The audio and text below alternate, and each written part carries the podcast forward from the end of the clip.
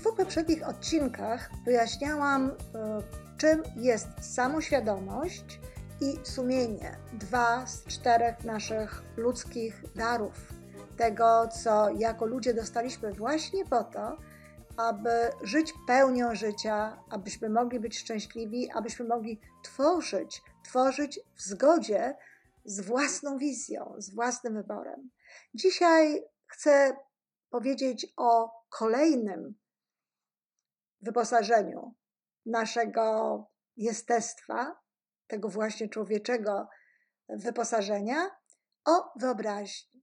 Wyobraźnia właściwie jest dość często y, spotykanym słowem, bardzo często się o tym mówi, jednak znowu nie każdy tak do końca zagłębia się w to, czym ona naprawdę jest.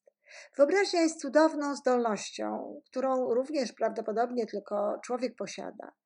Z jednej strony pozwala ona nam wizualizować to, co chcemy mieć, uzyskać, co chcemy, żeby się w naszym życiu zdarzyło, na podstawie tego, co znamy z życia, co wiemy, że jest realne, tego, co czasami widzieliśmy, jeśli nie w rzeczywistości, to gdzieś na filmach albo e, w magazynach chociażby, które czytamy.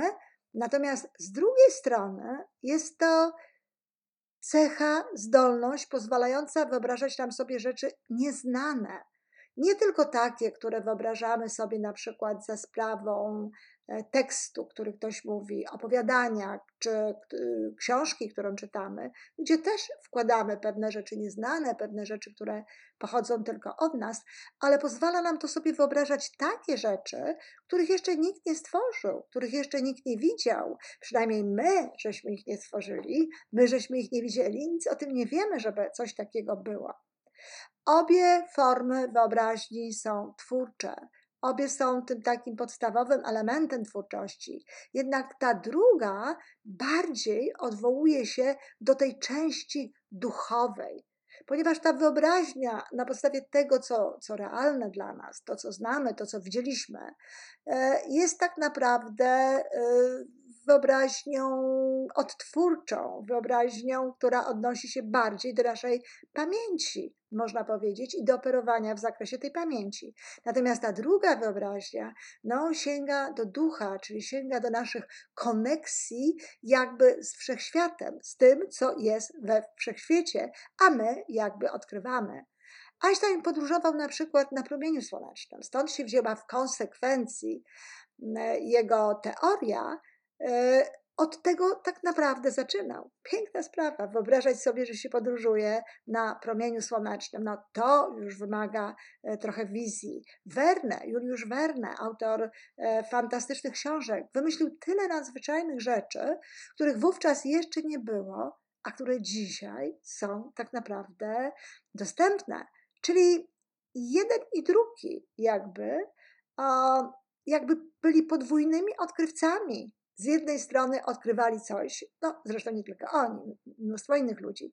Z, jednej strony odkrywali coś, e, co było czymś nowym, nieznanym, ale w drugiej stro, strony okazuje się, że odkrywali już coś, co było. No bo skoro te przedmioty, o których opisywał Verne, które opisywał Verne, teraz są, to one jakby gdzieś były już w tej wizji wszechświata, w tej informacji, którą ma wszechświat. I tak dokładnie jest. Tak jest w ogóle z nauką i tak jest z wynalazkami. To wszystko jest. My to niejako powołujemy od początku, odkrywamy. Przecież prawa wszelkiego rodzaju istnieją. Człowiek je tylko nazywa. Świat operuje według tych praw, czy wszechświat nawet operuje według tych praw. E, naukowcy je odkrywają i nazywają tak naprawdę. One są jakby w tej wielkiej świadomości, w źródle wszystkiego. To my za sprawą, no właśnie, tego połączenia bardziej duchowego, nie tylko tego e, myślowego, docieramy do tego. Dlatego tak ważne jest, e, kiedy w tej wyobraźni wchodzimy w stan alfa, wchodzimy w pewne skupienie, wchodzimy w pewną koncentrację, bo koncentracja powoduje, że podłączamy się wtedy do podświadomości zbiorowej, podłączamy się właśnie do źródła. Einstein powiedział, że wyobraźnia to więcej niż wiedza. A z pewnością tak jest, dlatego że wyobraźnia jakby daje drive, taki napęd. Ona pociąga do przodu. Ona powoduje, że, e, że się chce odkrywać pewne rzeczy, no właśnie, jeszcze nie tak bardzo obecne w ludzkim życiu. Natomiast wiedza jest w pewnym sensie mm, jakoś statyczna. E, operuje się na tym, co już się wie. Więc wie, jeśli ktoś nie ma wyobraźni, a jest naukowcem, no to tak naprawdę no, mieli, można powiedzieć, te dane z bólem stwierdzam, że sporo jest takich właśnie psychologicznych badań, które polegają tak naprawdę na mieleniu tego, co już wiadomo, natomiast brakuje jakoś tak dziwnie psychologom wyobraźni, takim przeciętnym badaczom, mm, psychologom, by sięgać gdzieś dalej, by patrzeć gdzieś dalej. Operują zazwyczaj w tych dostępnych ramach. Rzadko kto ma ochotę się jakby spoza tych ram wychylić, wejść dalej. Wiedza ta, zwłaszcza o świecie, jaki jest, może nawet hamować. Może powodować, że nie jesteśmy w stanie wyobrazić sobie nic więcej niż to, co wiemy o tym życiu. Te słynne paradygmaty, według których operuje świat, również nauka, i jak się okazuje, to w nauce właśnie te paradygmaty bardzo e, nie jest, nie jest łatwo zmienić. To trwa czasem bardzo długo, zanim one się zmienią.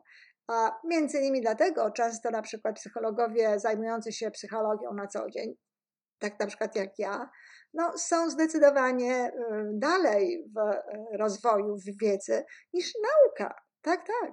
Zanim e, Seligman stworzył psychologię pozytywną, ja i wiele innych osób od kilkunastu, jeśli nie od kilkudziesięciu lat pracowaliśmy w zgodzie z tym, co potem ta nauka e, nagle zaczynała odkrywać, nazywać i jakby potwierdzać. Z drugiej strony, właśnie taka osoba, która wie tylko o tym, co, jak ten świat istnieje, no nie potrafi sobie pewnych rzeczy wyobrazić. Zazwyczaj wyobraża sobie troszeczkę, tylko więcej niż to, co tak naprawdę ma. Ta wyobraźnia jest jak gdyby zamulona, zamglona. Warto rozwijać wyobraźnię. Jak? No, wyobrażając sobie różne rzeczy. Wyobrażając sobie scenę do muzyki, wyobrażając sobie swój wymarzony dzień, wyobrażając sobie, jak chcielibyśmy podróżować, co chcielibyśmy zrobić, co chcielibyśmy mieć, ale też robiąc wszystkie ćwiczenia związane z rozwojem w ogóle prawej półkuli, prawej półkuli mózgu ćwiczenia, które rozwijają prawą półkulę mózgu, to są rysunki, to jest rysowanie różnego rodzaju rzeczy, to jest rysowanie, rysowanie chociażby szlaczków, to jest kolorowanie, to jest siedzenie w ciszy, to jest słuchanie muzyki, to jest wsłuchiwanie się w swoje uczucia, próba nazwania e, intuicyjnego pewnych rzeczy. Właśnie współpraca z intuicją, słuchanie się jej czy podążanie za jej głosem, to wszystko rozwija wyobraźnię. Wyobraźnię rozwija również czytanie książek. Nie rozwija wyobraźni oglądanie filmów. A malarstwo? Tak, bo to jest zupełnie co innego. My nakładamy na to naszą wyobraźnię i to, co my chcemy w tym zobaczyć, to, co my możemy w tym zobaczyć. Natomiast filmy, telewizja, te wszystkie rzeczy, które są pokazane konkretnie, e, wyobraźni nie rozwijają, nawet ją troszeczkę e, tłamszą. Dlatego zachęcam bardzo mocno do rozwijania wyobraźni, bo tak jak właśnie powiedział Einstein, to jest więcej niż wiedza i dalej nas może tak naprawdę doprowadzić.